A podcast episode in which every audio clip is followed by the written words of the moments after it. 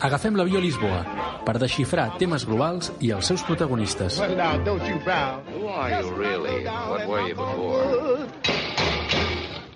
Hola, sóc en Víctor Puig per l'avió a Lisboa, l'espai de política global de Casablanca. Aquest és un programa per analitzar les relacions i els conflictes internacionals fet a Catalunya sense sectarismes ideològics i des d'una visió centrista, oberta i lliure. Benvinguts.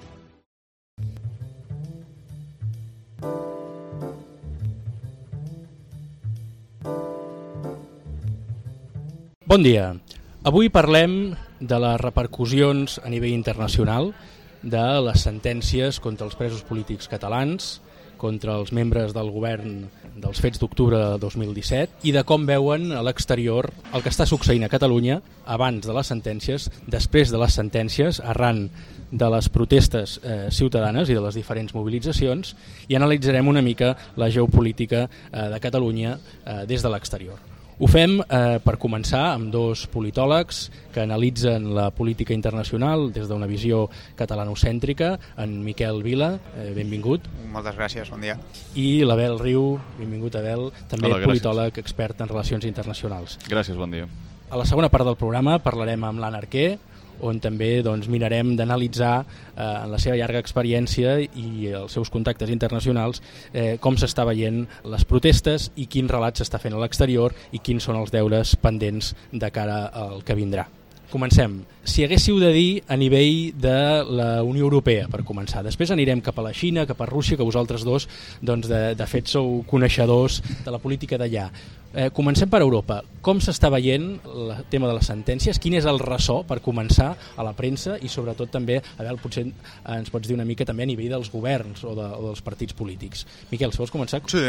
Bé, a nivell europeu, d'una banda, hem vist alguns articles eh, força crítics sobre el que són el tema de les sentències i el que és el tema de les, de les protestes, doncs en general, certa comprensió doncs, tant per la contundència, sobretot la, pre la premsa britànica anglosaxona, de fet, aquí seria interessant fer una diferència en què és Europa continental i el que és Anglaterra, vull dir, perquè en aquest sentit la premsa anglosaxona li dona molta molta centralitat i molta importància al que ha passat a Catalunya i amb una postura normalment prou comprensiva, sobretot segurament pel tema del Brexit, doncs, que els hi va bé no? doncs, per defensar com és la Unió Europea. Uh -huh. eh, potser Alemanya seria doncs, on els mitjans, sobretot l'agència la, oficial, la, la Deutsche Welle, ha tingut una postura més crítica. Vaig veure un article de fet del corresponsal que tenen a, a Àsia eh, que, va fer, doncs, que va fer una entrevista a una, una professora taiwanesa que està a Salamanca i que aquesta professora doncs, tenia una, una defensa de, del que seria el discurs nacionalista espanyol en aquest sentit, però clar, que això va sortir doncs, a l'agència de notícies alemanya, però sí que en general doncs, hi ha una certa bueno, una comprensió fora dels països potser més, més importants, o potser Bèlgica, no? que, ten, que, que els hem involucrat d'alguna manera en el conflicte. Sí, és veritat que tampoc no ha tingut un, un ressò molt important, per exemple, doncs, Europa l'Est, Polònia o Itàlia, a altres jocs així, doncs potser ha sigut més, molt més baix. A veure, estàs d'acord? Sí, totalment. Uh, I de fet, el que és cert és que segurament la resposta a les sentències ha tingut molta més repercussió mediàtica i política que les sentències en si. Uh, si no hagués hagut la resposta que hi ha hagut als carrers, de la sentència a nivell de mitjans internacionals, especialment a Occident, se n'hauria parlat un o dos dies i dimecres i dijous eh, aquest fet hauria deixat de ser notícia i noticiable uh -huh. i eh, ja ningú n'hagués parlat més, uh -huh. segurament fins d'aquí uns, uns mesos quan hagués hagut alguna novetat al respecte. Eh, jo crec que la resposta a les sentències va superar les expectatives de tothom tant aquí com a l'exterior i efectivament va servir per obrir una finestra d'oportunitat mediàtica i política, que és una mica el que s'esperava, però potser amb més intensitat del que es preveia. Això ha sigut molt positiu a nivell de tornar a col·locar eh, la qüestió catalana a l'agenda internacional, especialment a Occident especialment a Europa, que és on ens interessa que hi sigui. Um, en relació als posicionaments i a la lectura que es pot fer de, dels diferents articles que hi ha hagut, um, hi ha hagut posicions molt diverses, però en general, uh, més que una comprensió uh, respecte a la resposta a les sentències, que sí que hi, hi ha sigut, és a dir, hi ha hagut mm, pocs articles, eh, que fossin obertament crítics amb, amb la resposta, inclús amb les manifestacions més contundents. Um, penso, per exemple, en els fets d'Urquinaona del, del divendres 18 eh, d'octubre. Uh, no hi ha hagut uh, articles molt durs amb la posició catalana o amb, o amb els fets que estaven uh, passant o, o que estan protagonitzant activistes independentistes i sí que hi ha hagut articles molt d'usos respecte a la posició espanyola. És a dir, el que no s'entén és la posició espanyola i cada cop s'entén menys. Cada cop s'entén menys aquesta obstinació en no seure eh, a dialogar amb el govern català o amb, o amb l'interlocutor que sigui a Catalunya Um, això, evidentment, uh, és, ve donat per un gran desconeixement de lo que és la cultura política i de la història espanyola. Mhm. Nosaltres entenem per què és així i entenem que hem d'anar més enllà per obligar-los a, a seure i a negociar. Però fora Europa uh, encara hi ha la percepció, cada cop menor, però, de que Espanya és un estat democràtic i sorprèn mm, veure com no es comporta com un estat democràtic. Um, I en aquest sentit, a nivell de relat, a l'independentisme li ha anat molt bé el que ha passat les darreres setmanes, per posar en més contradiccions, eh, perquè l'estat espanyol hagués de mostrar més aquestes contradiccions i perquè s'externalitzés i s'internacionalitzés més el fet de que l'estat espanyol no és un estat democràtic. No sé si teniu la sensació que potser eh, el fet de que hagi coincidit aquesta resposta a les sentències amb les protestes que estan havent-hi a diversos països, com el Líban, com a Xile, com a Equador, eh, evidentment eh, continuen les protestes a Hong Kong. Avui hem sapigut d'una mort d'un jove eh, protestant a Hong Kong. Creieu que el fet de que hi hagin diverses morts en aquestes protestes d'alguna manera aigualeixen eh, les protestes eh, catalanes on diguéssim que no deixen d'haver-hi alguns ferits i, i de gravetat però que si es compara, diguéssim, que queden una mica eh, no, fluixes comparat amb això, creieu que això aigualeix de cara a l'exterior o al contrari, que dona un context de protestes i que d'alguna manera ens situa en, en això que deia l'Abel, no? situa Espanya al nivell d'un país eh, menys desenvolupat com pugui ser doncs, eh, Xile, malgrat que sigui un país perfectament modern d'Amèrica Llatina. Òbviament, eh, el que és per l'interès i també la morbositat periodística, doncs, eh, malauradament doncs, els, aquesta, aquests casos no, quan hi ha doncs, persones que perden la vida de les protestes doncs, sempre té més ressò mediàtic. Però no crec que hagi, hagi afectat mm, gaire, perquè de fet el tema Equador on tampoc no, no ha servit com per igualir-lo d'aquí, sinó al contrari, per comparar-ho, és a dir, ha connectat en una cosa a Catalunya amb un fenomen global. O sigui, jo crec que això ens ha anat bé. Mhm. Sí, sí, eh, molt d'acord amb el que comenta el Miquel. En tot cas, eh, la qüestió catalana jo crec que hi ha dos variables que la diferencien de, de la resta, per exemple, de, de la qüestió al Líban o de Xile o de Hong Kong en certa mesura. I és que en, en el cas català es, es, es tracta d'un conflicte nacional. I ja per se això, mm, des del punt de vista mediàtic, des del punt de vista periodístic, té més morbo. Per altra banda, és l'únic d'aquests casos que situa a l'Europa occidental, és a dir, més a prop de lo que és el centre encara de lo que és, eh, bueno, de lo que molts entenen que és el, el centre del món polític mediàtic, tot i que aquest és veritat que cada cop es mou més cap a l'Àsia, però el fet de que hi hagi coses que passen a prop de França, a prop d'Alemanya, eh, per una qüestió purament geogràfica, però també, evidentment, pel fet de que l'estat espanyol és membre de la Unió Europea, doncs ja facilita que se'n parli a, a nivell de mitjans de comunicació internacionals. Ara aquesta, aquests dies estem també veient eh, doncs, eh, com estan la, en el cas de, de Bèlgica i en el cas de, del Regne Unit doncs, com estan reaccionant davant de, de les noves euroordres contra els consellers a l'exili. Això també doncs, genera doncs, una certa presència mediàtica, però m'agradaria que obríssim una mica la, la pregunta, parlem una mica de geopolítica, parlem d'interessos nacionals, és evident que ningú ens ajudarà, és una de les coses que, com a mínim no fins que nosaltres no decidim ajudar-nos a nosaltres mateixos de veritat, per matisar. Eh, tu, Miquel, has estudiat una mica quina és l'actitud la, que va tenir abans del referèndum del 17 eh, amb Catalunya amb la Xina. Explica'ns una mica com, quina és la teva perspectiva des d'aquest punt de vista i com tu pots preveure que els esdeveniments propers, ja sigui via mobilitzacions del tsunami, ja sigui perquè les eleccions eh, de, eh, espanyoles doncs, l'independentisme superi el 50% dels vots, eh, que veurem això en què es tradueix, o sigui perquè les accions de, del tsunami de les propera, dels propers dies doncs, també tornin a posar eh, aquest pacifisme i aquesta constància de la protesta catalana a les portades. Bé, el tema xinès és interessant, sobretot perquè Clar, Catalunya ha tingut relacions amb, amb la Xina, que és el govern de la Generalitat, de fet des dels anys 80. Durant una època Catalunya tenia més relacions amb la Xina i amb, i amb Àsia en general, fins i tot que l'estat espanyol, que es focalitzava més en Amèrica Llatina i, i l'Estat també doncs, controlava més les relacions de Catalunya amb Europa, per tant doncs, el que passava a Àsia doncs, tampoc li importava gaire. Que l'aproximació d'Espanya a Àsia no ha canviat gaire, vull dir, és, és a dir, no és el seu gran focus, de fet, del sud d'Europa potser és el país que té unes relacions més, diguem-ne, neutrals o sí, més neutrals, més d'un baix perfil, diguem-ne, amb la Xina, i el que sí que és cert doncs, que la Xina doncs, té unes certes inversions a Catalunya. Tampoc no és el país que més inverteix però sí que és un dels països que més comercia. El que sí que és cert que a nivell polític tenen molt clar que per qüestions internes i perquè la, la seva aproximació a les relacions internacionals és diferent, per exemple, al que seria Rússia, que potser l'Abel després mm. ho pot explicar millor, no, doncs, ells encara doncs, tenen els seus principis i els miren de mantenir, com a mínim, per ells el tema català a nivell polític doncs, sempre l'han vist més com una manera de denunciar el doble estàndard de la Unió Europea, no? de, de dir, i en, en canvi doncs, i per poder justificar les seves pràctiques a nivell intern.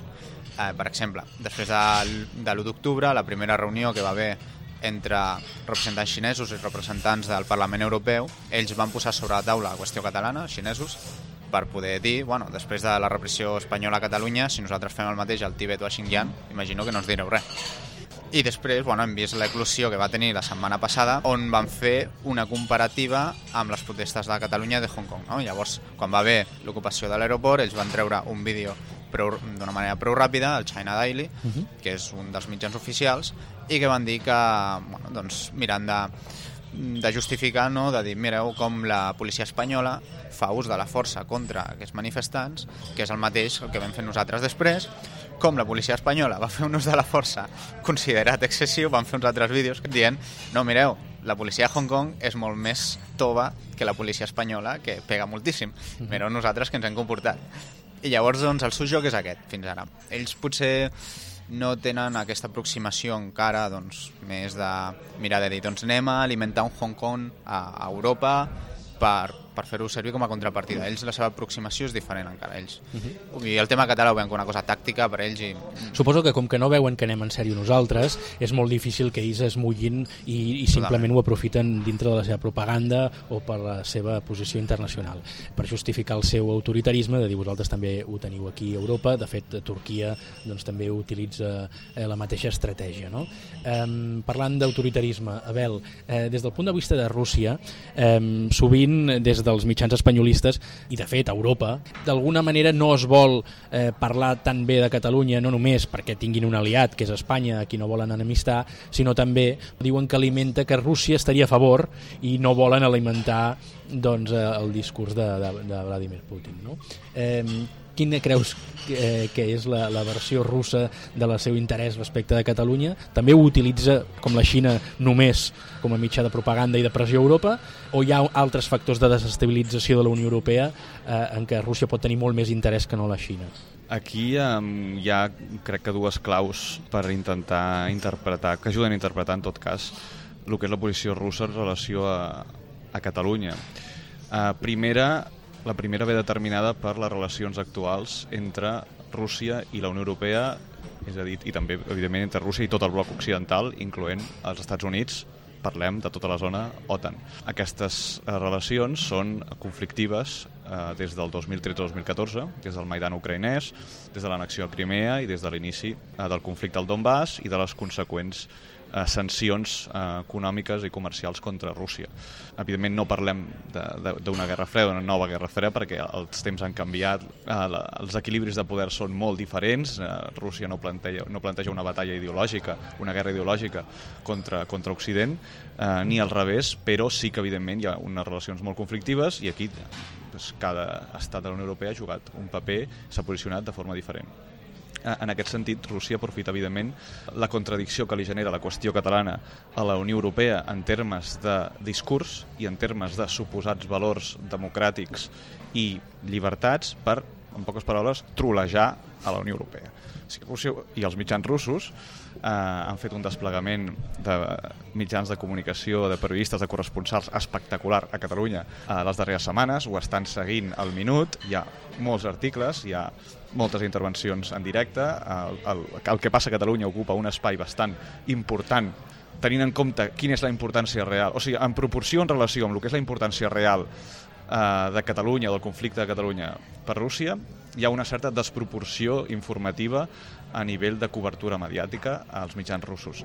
Això, eh, evidentment, l'objectiu, el, el destinatari és el públic rus, eh, al govern li interessa molt projectar la idea de que els europeus no compleixen amb certs estàndards democràtics després per tenir màniga llarga per aplicar aquests estàndards no democràtics a nivell intern. Després... També ho feien en França quan les protestes... Ah, exactament, exactament. I després per lo que fa a la projecció de Rússia cap a fora, parlo per exemple de Russia Today o d'altres mitjans com Sputnik, uh -huh. eh, per exemple, fa un parell de setmanes, en una compareixença a premsa de, del Ministeri d'Exteriors alemany, eh, una corresponsal de Sputnik li va fer una pregunta sobre Catalunya eh, intentant posar en la contradicció i d'alguna manera responent a una crítica que, que aquesta persona al Ministeri d'Exteriors havia fet en relació a com Rússia reprimia eh, les protestes per part d'opositors, doncs dient eh, com podeu vosaltres estar criticant el que fa el govern rus en relació a les seves protestes quan a Catalunya està passant una cosa similar, si no molt pitjor, perquè a nivell de ferits i a nivell de quantitativament la, la, la, la, i qualitativament la repressió ha estat molt pitjor uh -huh. que les protestes de les darreres setmanes i mesos a Rússia, diu com podeu estar criticant el que passa a Rússia si vosaltres a casa vostra feu el mateix. Uh -huh. És a dir, a Rússia li va molt bé el que passa a Catalunya, uh, perquè a Europa li va malament en, ter en termes de soft power. La capacitat que té la Unió Europea de projectar influència cap a l'exterior es basa sobretot en el soft power. Uh -huh eh, no té un gran exèrcit, eh, no té un poder dur com el poden tenir la mateixa Rússia o com el pot tenir la Xina o com el poden tenir els Estats Units, llavors Rússia, eh, la Unió Europea, els països europeus, sobretot Alemanya, es basen en, en, la, en qüestions econòmiques i en, i en projecció de valors. I així és com intenten influenciar doncs, països com Turquia, països com, com Rússia o la mateixa, la mateixa Xina. Rússia, igual que la Xina, igual que Turquia, interpreten que aquestes contradiccions i aquesta manera com la Unió Europea no està gestionant la qüestió catalana, perquè ja no és una qüestió de que ho estigui gestionant o no ho estigui gestionant, és que no està gestionant. Està esperant que això baixi el sufler i que eh, entre no parlar-ne i, i, la, i els efectes de la repressió facin que aquí la gent doncs, doncs, deixi de manifestar-se, protestar i que es rendeixi d'alguna manera. Això, evidentment... I, de fet, eh, recordem als oients que les protestes de Rússia eren justament perquè es va censurar la presentació de determinats candidats municipals a les eleccions municipals russes, no? que és exactament el mateix que per una altra via fa Espanya doncs, eh, evitant que determinats polítics siguin, siguin electes Totalment. eh, i per tant eh, estan aplicant exactament la, la, mateixa, la mateixa recepta. Um, acabem aquesta part del programa parlant una mica del que realment es mou a sota dels estats, perquè una cosa és això, aquesta imatge i aquesta projecció, que no deixa de ser eh, la imatge, diguéssim, la, la primera capa, la, la capa que tothom veu, però durant eh, el 2017 veiem com eh, Espanya, a la vegada deixava repostar un vaixell militar rus en un port, a la vegada canviava doncs, eh, suport militar als països eh, bàltics per fer front justament a l'amenaça russa. És a dir, els països, al final, el que fan és jugar, eh, no, no posar els ous en una mateixa cistella, és evident, i els estats, mentre nosaltres veiem una cosa, que és la propaganda, ells per sota doncs, tenen uns interessos diferents. Què pot oferir Catalunya i què pot fer el govern de Catalunya perquè ens comencin a veure d'aquesta manera, nosaltres tampoc no jugant aquesta cosa de la, de la moral, que també està molt bé, i de la democràcia només, sinó com podem començar a interessar els països europeus per tal de que en el moment que nosaltres realment decidim eh, que som independents, no com ara, que ho fem veure o que el govern no acaba d'aplicar mai el mandat de, del referèndum i per tant el mandat popular, què vosaltres diríeu que hauria de fer aquest, aquest govern? Mm, totalment, i aquest malauradament és un approach que mm, és bastant absent entre la classe política catalana eh, i entre els mitjans catalans i és, eh, són uns termes en els quals mm, és urgent començar a pensar i començar a actuar eh, especialment per lo que fa com ens projectem cap a l'exterior i com recuperem la credibilitat perduda a nivell internacional, la credibilitat que vam perdre a l'octubre del 2017, no fent allò que vam dir que faríem i no anant fins al final amb els termes amb els que el Parlament català havia aprovat. Uh -huh. uh, ja se sap com va anar la història, però el, el fet és que a fora uh, els governs es pensaven que això anava en sèrio al final, eh, quina credibilitat pots tenir si vas dir en el seu moment que faries una cosa, ara pots tornar a plantejar una confrontació democràtica en uns termes similars, eh, s'ha de fer molta feina en aquest sentit per recuperar aquesta qualitat i per començar a parlar en termes de poder uh -huh. i en termes d'interessos. I això, evidentment, ni, ni molt menys s'ha de fer públic i ni molt menys s'ha d'explicar, però els, els contactes internacionals, almenys a nivell institucional, s'haurien de tenir en aquests termes i entendre quins són els interessos també dels respectius estats, dels respectius interlocutors i veure com Catalunya pot generar uns incentius positius perquè aquests governs estiguin disposats en el seu moment a posar en risc la seva relació, les seves bones relacions amb l'estat espanyol per fer una aposta per un nou estat que els interessi més que hi sigui perquè hi guanyarien més. Hi ha un cas molt paradigmàtic, que és el dels països bàltics, tu l'has mencionat. L'estat espanyol aquí ha jugat molt bé les seves cartes. Històricament, l'estat espanyol, sobretot durant els governs de, dels socialistes, havien portat a terme una, una certa host polític a petita escala en relació a, per lo que fa a les relacions amb Rússia um, havien fomentat tant a nivell econòmic, comercial, a nivell de turisme, doncs, un apropament amb Rússia fins al punt que eh, fins al 2016 les, a Ceuta i Melilla, o no recordo quina de les dues, durant uns anys havien estat eh, bases eh, on els, els vaixells militars russos havien pogut repostar, uh -huh. eh, contravenint eh, normativa interna i, i compromisos eh, de l'OTAN. Uh -huh. I els Estats Units, evidentment, aquí van aconseguir al final que el 2016 això s'acabés. Eh, ara s'ha tornat a fer. Fa un any va haver-hi una reunió entre Borrell i el ministre exterior rus Lavrov per tornar a facilitar, bueno, perquè l'estat espanyol tornés a facilitar aquestes bases perquè Rússia pogués repostar els seus, els seus vaixells militars que anaven en direcció a, a Síria per, per participar en operacions militars. No, no és d'estranyar que Rússia fos, ai, que, perdó, que l'estat espanyol fos un dels països que en un primer moment més es va oposar a, la, a, a les sancions contra Rússia per la qüestió ucraïnesa. Després van anar canviant, van anar entenent cap on girava la situació i per on bufava el vent i van, acabar, van canviar, van virar la seva posició eh, desplegant tropes als Bàltics. Qui ho anava a dir fa uns anys? Uh -huh. Tenint en compte que, més, l'estat espanyol no té cap tipus d'interès estructural en aquella zona, que acabarien veient 300 soldats espanyols a Letònia, tancs, eh, Leopards i, altra, i, i artilleria inclús crec, a part d'avions militars a Lituània i Estònia, qui, qui, qui, qui ho hauria dit fa uns anys? Doncs aquí, evidentment, la qüestió geopolítica, el gir geopolític que va fer Europa en relació a Rússia fa el 2013-2014, l'estat espanyol va aprofitar en relació als Bàltics per reforçar un flanc que tenien molt feble. Uh -huh. El primer ministre de Letònia, primer ministre de Lituània, el 2013, després de la Via Bàltica, es van posicionar en unes en respectives entrevistes a favor d'una hipotètica Catalunya independent i disposats a recolzar Catalunya en cas que hagués un referèndum i guanyés un sí. Margallo, en el seu dia, va veure la jugada i va dir, ostres, això no ens ho podem permetre, i van posicionar allà. Uh -huh. Potser si els bàltics haguessin trobat en Catalunya un interlocutor amb el qual parlar també en termes de defensa uh -huh. i en termes de quines són les seves preocupacions estructurals, potser això no hagués anat així.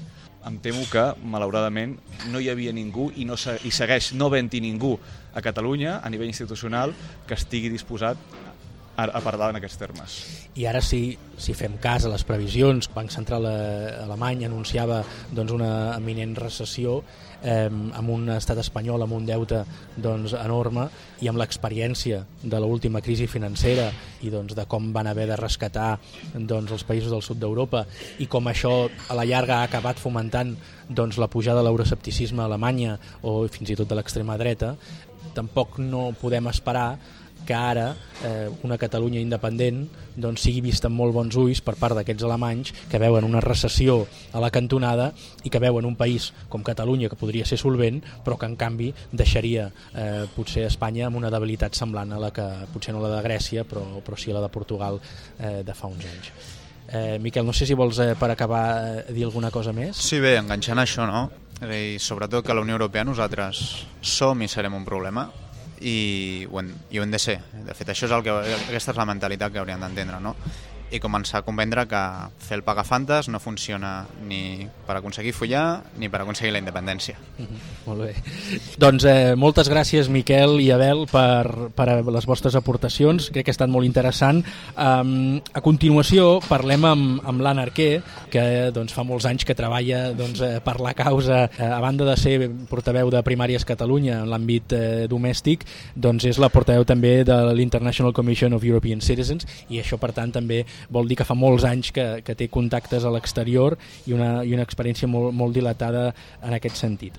Eh, Anna, per començar, quina creus que, n'hem parlat eh, la primera part, però quina creus que és la visió anterior el referèndum de l'1 d'octubre que tenien diguéssim a les cancelleries europees eh, i quina és eh, la visió que van tenir a posteriori degut a com va actuar eh, el, nostre, el nostre govern. I, i un cop eh, dit això quina creus que és la visió que tenen ara com a conseqüència de, del, del que vam fer aleshores en relació a les sentències i les protestes d'aquests dies?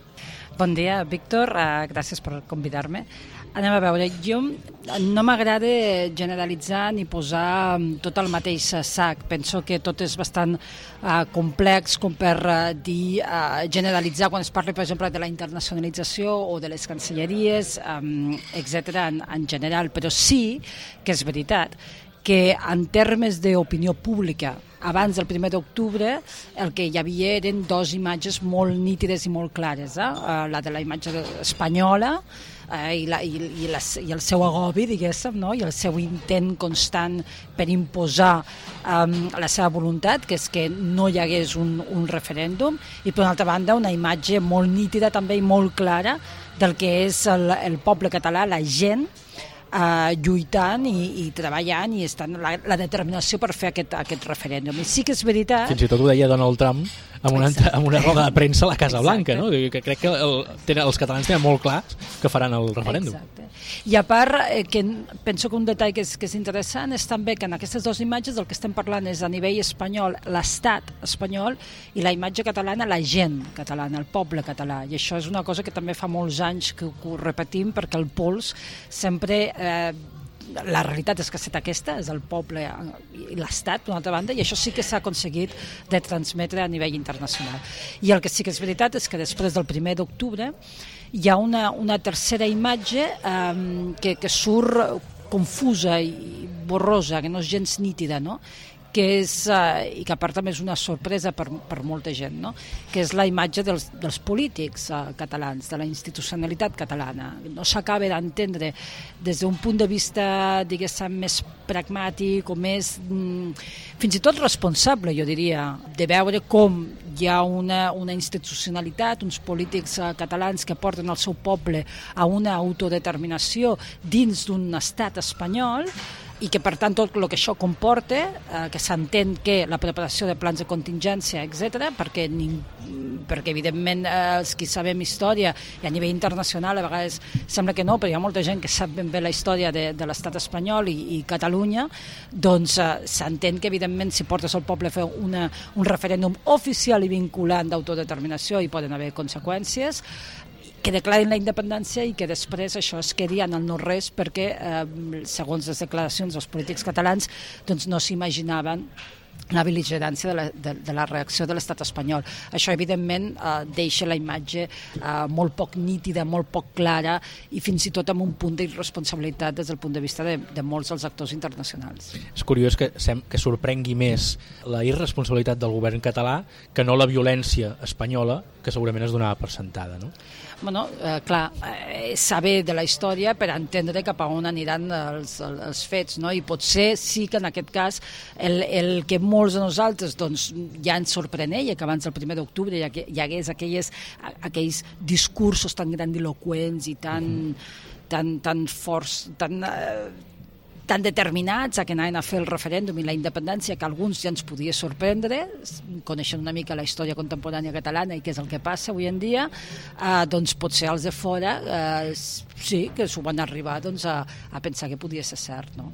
Ara n'hem parlat una mica abans, però des del teu punt de vista, eh, aquestes protestes que l'estat espanyol ha intentat emmarcar dintre d'una suposada violència, que evidentment eh, a fora deuen riure perquè estan molt més acostumats a, violents, a protestes eh, violentes eh, o com a mínim eh, no pacífiques. Com creus que, que aquest relat està arribant a l'exterior i, i no trobes que, que el govern català, en lloc de contradir aquest relat i de fer-ne un de propi, s'ha dedicat a abonar el relat que interessa a l'estat espanyol? Sí, és que clar, aquí tenim dos aspectes de fons que ara estaves que estàs uh, tocant. No? Bé, és obvi que l'estat espanyol uh, no desaprofitarà cap oportunitat uh, per portar-nos allà on vol, no? I allà on vol és a justificar la violència, justificar el perquè de, la, de les penes de presó i sobretot a justificar el perquè de la seva beligerància en contra dels ciutadans uh, catalans, no? Eh, el, la qüestió no és tant què és el que fan ells, sinó què és el que llavors fem nosaltres, els nostres representants electes, el nostre govern, els nostres diputats, què és el que fan per aturar aquest sense sentit. Um, I aquí penso que en els darrers uh, setmanes i veient la dignitat dels joves uh, hi havia una gran oportunitat per fer aquest uh, bescanvi en la projecció dels catalans. Fins ara, uh, sempre i fins i tot um, abans, durant totes aquestes dècades uh, d'autonomisme, als propis catalans se'ns ha venut i se'ns ha conscienciat en la nostra posició còmoda, per molts d'ells, d'oprimits. Però l'oprimit eh, té la cama molt curta en un món on es mata gent cada dia i tampoc no és la projecció d'aquells que guanyen. Per tant, el que era obvi és que precisament amb aquestes setmanes que, que hem tingut de, de, de, de violència estatal en els carrers de Catalunya era una oportunitat fantàstica per a que el nostre president, vicepresident, perquè tot el govern en ple canviessin uh, la idea de l'oprimit per la idea no tant d'opressor, però sí, sí del poble digne, del poble que es fa respectar. No el poble que ataca i és violent, sinó el poble que sent atacat i havent estat violentat, es planta i es diu no, els carrers són nostres i no ens pensem moure d'aquí perquè no tolerem que perquè ens pegueu, perquè ens dispareu, eh, marxar a casa plorant. No, no, els catalans no som aquests. I no es va aprofitar. Es va voler continuar amb la idea i anar purgant, anar, anar fent fort la idea de l'oprimit. Uh mhm. -huh. Pensem que a part de que pugui agradar més o menys als oprimits, perquè també val la pena dir que dins del que és la cultura imperant anglosaxona Um, ja ho tenim això en la cultura, per exemple, a Anglaterra, amb els homeless, no? Uh, que sí, la gent ajuda, però la, la primera premissa és ajuda't primer tu mateix perquè t'ajudem. Això és molt protestant, però això és el que impera. Per tant, el tema de l'oprimit tenint en compte el que ja hem dit abans, que els catalans, mm, eh, el nivell de, dels oprimits al món és molt més bèstia que el que podem nosaltres projectar, a banda Uh, no, no, no, té gaire, no té gaire recorregut i sí que en té més aquell d'un poble que s'és conscient de poble i que va a guanyar i que, i que es el respecte i que es plante, no? Aquest té molt més el recorregut i és una cosa que um, els polítics catalans uh, sembla que no, no estan per la, per la tasca de, de, de potenciar que és el relat del guanyador, el relat de la victòria d'un poble que continuem guanyant constantment a l'estat espanyol fora del que és la, la violència, però bueno, que dins de la violència ha demostrat que tenim un jovent eh, disposat a, a plantar cara perquè d'això es tracta, no? de dir per aquí no passem. Tens la sensació, Anna, que, que vam perdre una finestra d'oportunitat en un moment en què potser inclús podem anar abans que el referèndum del 17, no? I del 9-N, eh, quan encara Obama era president als Estats Units, quan Rússia encara no havia invaït Crimea, eh, quan l'autoritarisme rampant a Turquia eh, no era tan, tan evident, que, que sí, però, però no com ara, Eh, creus que en aquell moment el món encara no havia virat de la manera que ho ha fet els últims anys i que, per tant, tot el que és la causa més democratitzadora i la força dels vots eh, d'alguna manera s'ha perdut aquell momentum que tant se'n parla en el moment en què encara era possible i que s'ha tancat aquesta finestra d'oportunitat?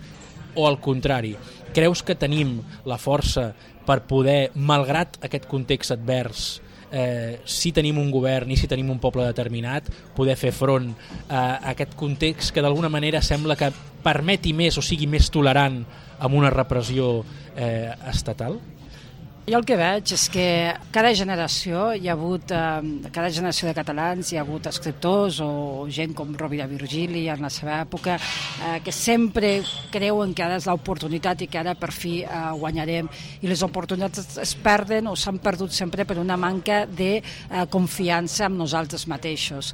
Eh, jo penso que evidentment el que se'ns projecta del món, perquè evidentment els interessos i els mitjans de comunicació que ens expliquen el món, el món eh, també obeeixen a altres interessos empresarials, això sempre ho hem de tenir eh, present. Penso que a vegades són més, menys, però que, no, que en definitiva això no, no és the key point. No? Realment la clau està en la nostra determinació per a totes aquestes paraules que diem donar-los contingut.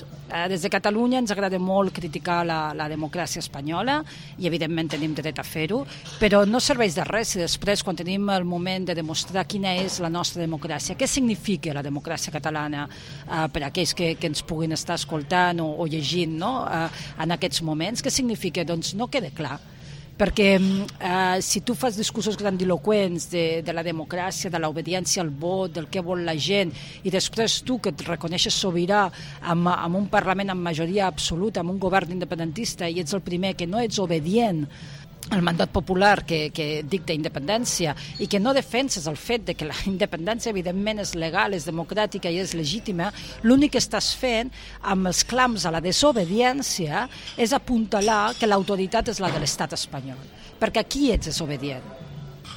A qui, a qui deus obediència, a qui deus obediència? A l'estat espanyol? No, error per tant, eh, clar, jo és que faria una esmena a la totalitat de què és el que estem fent a, a, a, avui en dia a Catalunya. Uh mhm. -huh. Jo no estic tan d'acord amb aquestes campanyes de desobediència precisament per la no, no per les accions que apunten, sinó per la, per la mentalitat i en el mhm. marc en què, en què s'apuntala, que és desobediència a l'autoritat que és l'estat espanyol. Nosaltres mateixos estem dient al món uh mhm. -huh. eh, que reconeixem com a, com a autoritat a l'estat espanyol, quan en realitat el que hauríem d'estar fent són campanyes i clams a l'obediència, uh -huh. a l'obediència l'obediència del poble català, posant el centre de gravetat en nosaltres mateixos. És el mateix que um, passa amb el tema de l'amnistia.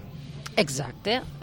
L'amnistia, quan estem dient, i tots els polítics estan dient que ni oblit, primer d'octubre ni oblit ni perdó, i el primer que fas és demanar l'oblit i el perdó, causen una incongruència, i totes aquestes incongruències, totes aquestes incoherències ja no et fan el més llest de la classe. El que al principi podia semblar que els catalans uh, eren intel·ligents perquè el que feien era posar entre les cordes a l'estat espanyol per obligar-lo a evidenciar-se no? en aquesta en, aquest, en aquesta actitud reaccionant en contra de la democràcia, arriba un punt en quan els, els, els actors internacionals ja saben per activa i per passiva que l'estat espanyol, sigui qui sigui qui mani l'estat espanyol, diuen que no a l'autodeterminació, a no reconèixer ja de, els nostres polítics passen de ser intel·ligents a, a, a, a ser gent que busca excuses eh, per no marcar gol. Uh -huh. Són gent que tenen por a concretar la victòria eh, del, poble, del poble català. Per tant, eh, aquestes incongruències el que fan és donar-nos eh, feblesa. Per tant, eh, contestant a, a, la, a la primera pregunta, no? o sigui, és un, tenim una finestra d'oportunitat sempre que els catalans, sempre que nosaltres mateixos ens donem l'oportunitat de, de tenir dins de les institucions homes i dones disposats a fer la independència, efectiva, tindrem, un, una, tindrem oportunitat, perquè no es tracta tant de com està el món, sinó de com nosaltres incidim al món.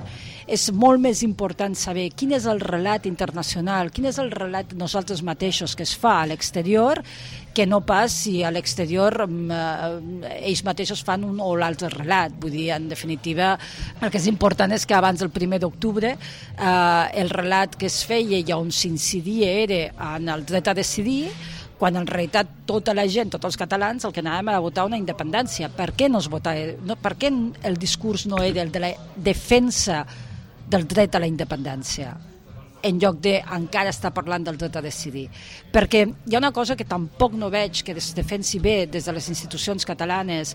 Cada vegada que els equidistants o aquells que es volen aprofitar de la força de l'independentisme català per una altra vegada canviar o intentar canviar l'estat espanyol, i per fer això, um, per vestir-se de, de corder, tot i sent llops, uh, fan aquesta defensa de l'autodeterminació, um, cal que des de les institucions catalanes i els polítics catalans um, tinguin un, un discurs molt nítid a tot aquest sector equidistant i dir és que defensar el dret a l'autodeterminació equival a defensar el dret a la independència, perquè si defenses el dret a l'autodeterminació estàs defensant que els catalans tenim dret a votar sí a la independència i, per tant, en l'exercici del resultat d'exercir un dret universal com és el de l'autodeterminació, evidentment inclou el fer efectiu el resultat d'aquest exercici. Per tant, si els catalans guanyen sí a la independència, el dret a la independència també ha d'estar defensat pels mateixos. I això és el que no fan. Llavors ens trobem en que potser els polítics catalans no van tan lluny perquè és que ells tampoc estan disposats a anar tan lluny. Per tant, el primer que els catalans ens hem de plantejar és, sobretot, um, fer una regeneració de noms i de discurs a casa, perquè si primer no tenim la gent disposada a projectar i a portar a terme un canvi del paradigma català a nivell internacional, aquesta independència no estarà ben defensada i, per tant, els de fora no et defensaran una cosa que tu no ets capaç de defensar i de portar a terme, sabent que això és democràcia i sabent que és legal, democràtica i legítima.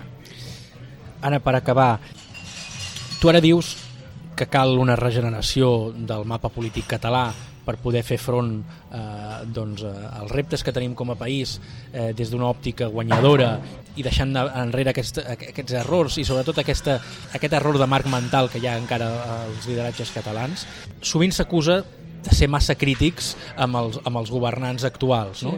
I ara tu mateixa dius cal una regeneració del mapa polític català. Per tant, ho estàs fiant també a llarg termini o estàs fiant o creus que a curt termini podem fer alguna cosa? I si és així, quines serien per fer-ho a l'estil de les entrevistes electorals, si vols. Quines són les tres coses que tu eh, recomanaries que com a catalans féssim, per exemple, aprofitant el context que es derivi de, de les properes setmanes doncs, per les eleccions, els resultats de les eleccions, per les protestes del tsunami, el que sigui. Sí, Penso que és molt important eh, el, que has, el que has dit sobre la crítica als, als presos polítics o, o en general també als exiliats o, a la, o als governants polítics catalans. Tinguem en compte que a nivell internacional estaríem molt equivocats si ens penséssim que tothom només veu un estat espanyol demofòbic. Um, a nivell internacional, uh, que hi ha la tendència i la mania, ves per on, uh, d'analitzar el que són els fets i no només els eslògans, el que han vist és que hi ha hagut un govern de Catalunya que un cop ha declarat la independència, la meitat, tot i les pallisses que vam rebre de l'estat espanyol, la meitat ha decidit fer la maleta, agafar un tren i anar a ser jutjats per l'Audiència Nacional i l'altra meitat a fer una maleta, agafar el que fos i anar-se'n a l'exili.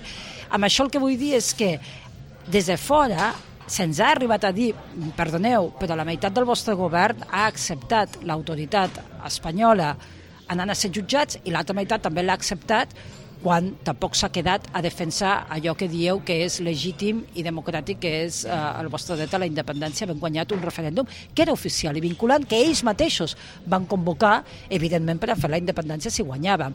Per tant, que no ens penséssim que les veus crítiques a un fet que són eh, que és objectivable, que és empíric, eh, és només intern. Això a fora la gent ho veu i, i, i, i, així, ho, i així ho expressen. Una altra cosa és que puguem trobar eh, surrealista o, o fora de, de lloc que avui en dia encara hi hagi un país, un estat com l'espanyol que decideixi prendre aquestes mesures. Uh, però el que és evident és que els governants catalans no els han empresonat defensant les institucions amb, amb, amb el poble uh, baixant la banda espanyola, per dir-ho per, per dir així. No? Per tant, un altre aspecte que és important és que tots els polítics, eh, tant exili com a... O sigui, tant el govern eh, efectiu com el govern legítim, com el govern que és a la, a la presó, eh, estan oberts, ho han declarat, a fer eh, un referèndum, un altre referèndum. En aquest, en aquest cas, alguns diuen acordat, els altres no, no ho matitzen. Tinguem present que cada vegada tothom qui defensi tornar a fer un altre referèndum està desautoritzant el referèndum del 1 d'octubre i el mandat del 1 d'octubre. Això ha de quedar molt clar, perquè no es pot estar a dos bandes. O sigui, oh, defensem el primer d'octubre, però alhora fem ni un altre. Per què fem ni un altre? Uh -huh. Per tant, no tot és tan coherent el que transmetem des de Catalunya a, a l'exterior. Jo parlo de regeneració, sí, parlo de regeneració perquè el que també s'ha d'incloure en tota aquesta equació és un sistema eh, partidista que fa que a Catalunya eh, tots els diputats o aquells que ens governen ho fan perquè algú en algun despatx ha decidit posar-te en una llista. I que això, que algú pot considerar més o menys correcte o no, tampoc no veure el que té de dolent, doncs té que a l'hora de fer obediència al mandat de la gent el que aquesta gent fa és primar l'obediència a aquestes cúpules i per això ens trobem on ens trobem eh, que el que tenim són moltes paraules però molts pocs fets i, i això evidentment s'ha de regenerar vull dir, no, no, Mhm. no, no, eh, nosaltres tant parlem de democràcia no? pues, eh, per això eh, dono suport eh, i sóc part integrant eh, eh, com bé has dit de, de, del moviment del moviment de primàries que és un mecanisme precisament eh, per acabar amb aquest partidisme. I penso, que, i penso que és important. I no penso que això hagi de ser a llarg termini no sabem encara amb, data quan tindrem uh, les eleccions nacionals catalanes. Uh, la gent que està al poder tendeix a aguantar-lo, per tant tampoc no veig perquè ha de, ser molt aviat, uh, però evidentment a les eleccions nacionals catalanes estic totalment a favor de que uh, hi hagi l'opció de, resultant d'un mecanisme democràtic com és el de primàries uh, per, a, per a que dones i homes convençuts uh, que la independència és possible possible i amb una altra manera d'entendre-la i també d'entendre el joc eh, internacional, doncs eh, la puguin fer efectiva. I això no ho veig en cap dels partits eh, que en aquests moments existeixen, però no perquè no vulgui. Uh -huh. Jo sóc una encantada, m'hagués encantat que qualsevol uh -huh. dels governs catalans haguessin fet la, la, la independència efectiva, eh? o sigui, no és per una... Eh, però no ha estat així i malauradament tot el que es diu i tot el discurs eh, que s'està que s'està promocionant des dels diferents partits eh, amb això del tombar el règim, eh, això de, de, de, dels drets socials i polítics, eh, de l'amnistia, doncs eh, no sembla que, que, que sigui eh, fer un pas endavant a portar a terme la República Catalana independent, sinó que es veu com cada vegada s'agafa la porteria i es posa més lluny, es posa més lluny, per aquesta cosa de no concretar la victòria del poble. Ara per acabar, ara sí de veritat per acabar, per aquells que siguin més escèptics, eh, especialment veient doncs, com ha actuat eh, el govern i, i que veuen amb, amb, amb, amb molta dificultat doncs, que això es pugui aplicar. Eh, perquè de veritat és que si el govern espanyol en el seu moment, en lloc de posar a la presó els membres del govern, simplement hagués aplicat el 155, no els hagués deixat entrar a les conselleries, no els hi hagués pagat el sou i ja està, tindríem doncs, un seguit de suposats líders a casa sense cobrar però sense repressió, sense violència ciutadana i simplement amb un referèndum que hagués estat una, una llufa des del punt de vista de la, de la seva aplicabilitat. No? Eh, a dia d'avui sabem que hi ha el 75% dels antiavalots espanyols eh, a Catalunya. Eh, com li diries a la gent, malgrat tenir aquesta determinació, com es fa efectiva aquest mandat de l'1 d'octubre, tenint en compte que Espanya pot haver pres dels seus errors o no, però que en qualsevol cas, eh, encara que tu tinguis 10.000 joves o 15.000 joves eh, a Urquinaona, doncs eh, lògicament la força de l'Estat encara és superior perquè, perquè els catalans no tenim forces armades. No? Com li diries a la gent més escèptica arribats a, al dia d'avui que efectivament el mandat de l'1 d'octubre encara és aplicable i que aquest gol que tu reclames que el poble de Catalunya faci, doncs que efectivament es pot fer. Totalment. El que, el que penso que és important és que tinguem molt present que els catalans hem guanyat les institucions catalanes. És a dir, la victòria eh, de tenir una majoria absoluta al Parlament i la victòria de tenir una generalitat independentista és de la gent que no ens poden segrestar el vot per canviar l'objectiu d'aquest vot. perquè és el mandat i precisament nosaltres tot el dia estem parlant de democràcia. No? Per tant, jo la idea d'abandonar, de donar per perdudes les institucions, de no voler fer res amb elles i basar-ho tot en el carrer, tampoc la trobo eh, intel·ligent eh, des del punt de vista, bueno, intel·ligent, o, o no la trobo eh, suficientment eh, pràctica, perquè hem guanyat les institucions. El que s'ha de fer és una bona combinació eh, de carrer i d'institució. El problema que ens trobem és que les institucions eh, no estan per, per la tasca i el que fan és enviar els Mossos. Uh -huh. Alguns diran, no, bueno, però eh, no els manem nosaltres. Bueno, pues no els manem nosaltres, que, que, que, que es digui de manera clara. El que no pot ser és tot el dia estar fent veure les coses. Uh -huh eh, i aquesta lluita eh, partidista eh, que hi ha entre el, Junts per el, el sector convergent i el sector d'Esquerra Republicana, en certa mesura tampoc és del tot eh, certa en el sentit que eh, tots ells eh, han estat molt units des del principi a no donar-li efectivitat al mandat del 1 d'octubre, a deixar aparcada la unilateralitat, um, bàsicament a, a, no, a no tenir una obediència um, seriosa i responsable amb el, amb el que són els, els, els vots de la gent, no? Uh mhm. -huh. però sí eh, tenir-la, en tot cas, amb aquest, amb aquest estat espanyol del qual volen desobeir, no? que dèiem abans. Per tant, la unitat dels partits ha existit. On no estan units, on tenen la picabaralla, és a veure qui és més amic de, de, del poder espanyol, a veure qui és més amic, de, en tot cas, dels socialistes, no? Uh mhm. -huh. Qui pacta amb qui. Uh -huh. um, és molt eh, hipòcrita l'estar tot el dia plorant sobre el 155, però alhora fer pactes totalment transcendents com és el de la Diputació de Barcelona, on hi ha tanta incidència de poder real en infraestructures i en el funcionament del país, com és la Diputació de Barcelona, i, i donar-li precisament el 155. Hi ha molta hipocresia. Per tant, és evident que això ho veu la gent i la gent ens podem preguntar què podem fer, no?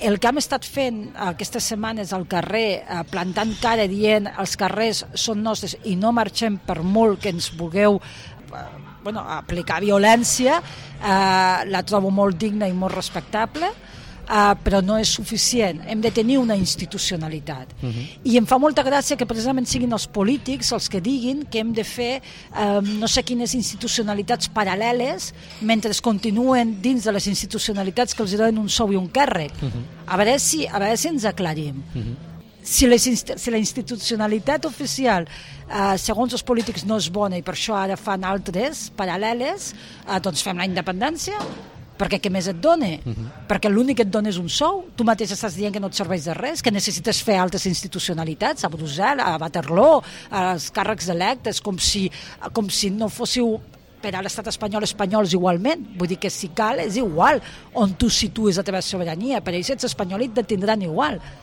Per tant, per què afeblim una altra vegada l'impacte i la importància de les nostres institucions dient-nos nosaltres mateixos no som bones, fem unes altres. I què faràs des d'aquestes altres? Mm -hmm. Si des de les que tenen el reconeixement internacional no fas el que dius que faràs en aquestes que fas en una plaça del barri, uh -huh. que de fet encara tampoc ens heu dit ben bé què és el que volen fer, per exemple, amb l'assemblea de càrrecs electes, uh -huh. perquè curiosament, allà no es parla ni del mandat del 1 d'octubre ni es parla de la independència. Uh -huh. Per tant, hi ha tota una sèrie d'incongruències que arriba un moment en què s'ha de dir prou, s'ha de, de regenerar o, o no voleu assumir els riscos, que no serien riscos si ho feu des d'un plantejament de victòria, sí. perquè és el teu territori, són les teves institucions, és la teva legitimitat i la teva legalitat, la legalitat internacional i per tant la teva democràcia i bàsicament ho imposes perquè d'això es tracta la democràcia i si no creus en tot això, evidentment necessitem gent que sí estiguin amb, amb aquest marc mental perquè, perquè evidentment és del, és del tot... Um, um, és que no, no, no, no, és difícil fins i tot ja trobar paraules per, per a descriure eh, lo difícil que és com a catalans escoltar els mateixos polítics que ens han portat a fer el referèndum i a fer una, una declaració d'independència que diguin que la independència no, no és possible. No? Evidentment que és possible, el que pot ser és necessari per a que sigui possible és que no sigui amb ells, perquè amb la gestió que han fet ells de les nostres victòries s'ha evidenciat que no és possible. Per tant, el que hem de fer és canviar els noms i no només el discurs. bueno, no sé si repreguntar-te o no, perquè ja se'ns acaba el temps, però al final jo preguntava, eh, molt bé, però si ells apliquen una, una castració química de les institucions, ah. com hi fas front si només hi fas front amb el carrer? Bueno, és que no ho has de permetre, eh? És que el tema està en que uh, aquí hi ha... Un, és que clar, uh, aquí, hi ha un, aquí hi ha no només un, aquí hi ha molts mandats a Catalunya que diuen independència. I aquí hi ha una gent que voluntàriament s'ha posat al capdavant per aportar-la a terme. Evidentment, aquesta gent el que no té cap mena de lògica és que permetin que l'estat espanyol apliqui un 155 que signifiqui entrar a les nostres institucions i buidar-les. Uh -huh. El que has de fer és no permetre-ho. Com? Bueno, el més fàcil era no? el més fàcil dintre del, del, del, del relat um, de la democràcia era aplicar el mandat, que és fer la independència. Uh -huh. Oh, això ho dius molt fàcil. Com ho faries? Perdona, com, com ho faríeu vosaltres? Com ho anàveu a fer? No, no, no és nosaltres, és que això ho veig en molts debats que participo amb diputats o càrrecs electes i li pregunten a la gent uh mhm. -huh. vale, què proposeu, com ho faríeu? Però, però quina barra, perdoneu, eh, però quina barra contesteu vosaltres, com ho anàveu a fer? O és que no ho anàveu a fer? I com ho fareu ara? Bueno, però primer que ens expliquin com anaven a fer la independència, uh -huh. perquè és evident que, és que hi havia no un pla, fer, no? no ah, potser fer. és que no l'anaven a fer. Uh -huh. Val, doncs una altra vegada, no? Per, per, bueno, els hauríem de canviar, però la qüestió està en què no es pot permetre o fas la independència o l'altra o, o l'altra opció que, que, que et quede, que la veig bueno, no la veig gaire factible tenint en compte que no volem fer la independència, que és barrar, barrar el pas, o sigui, o ho fas de manera política o ho fas de manera doncs, com, com han abocat a la, a la gent que és de manera física, no? Uh -huh. uh, però és que no, cal, no calia portar-nos a aquest nivell, no calia portar-nos a aquest punt. El que calia era que fossin honestos i que si ens portaven a una autodeterminació i ens portaven a una independència, tinguessin el pla fet, tot preparat per a fer la independència. I si el que feien era fer tot això només per tenir més autogovern, que se'n vagin a casa. I si no se'n van, fem-los nosaltres que se'n vagin a casa. No hi ha volta de full. Hem de ser gent seriosa, hem de ser gent exigent. Eh, el nostre moviment eh, sempre ho ha estat i penso que eh, per estar a l'alçada hem de poder doncs, analitzar i posar les solucions en, en el moment que ens toca viure. Doncs Anna, moltíssimes gràcies ara, ara sí per eh, acompanyar-nos a l'avió a Lisboa i parlar una mica d'aquesta situació a Catalunya, de com fer efectiva la independència i sobretot de com es veu a l'exterior i de quin ha de ser tant el relat que nosaltres fem a dintre de casa com el que expliquem amb els nostres interlocutors a Europa i al món. Eh, moltíssimes gràcies també als oients que segueixen aquest podcast de política global en català, avui parlant una mica més de, de casa nostra. Eh, moltíssimes gràcies. Ara sí, eh, posem la musiqueta i fins la propera. Bon dia. How much trouble? Too much trouble. Well, now, don't you frown. Just knuckle down and knock on wood. Who's unhappy?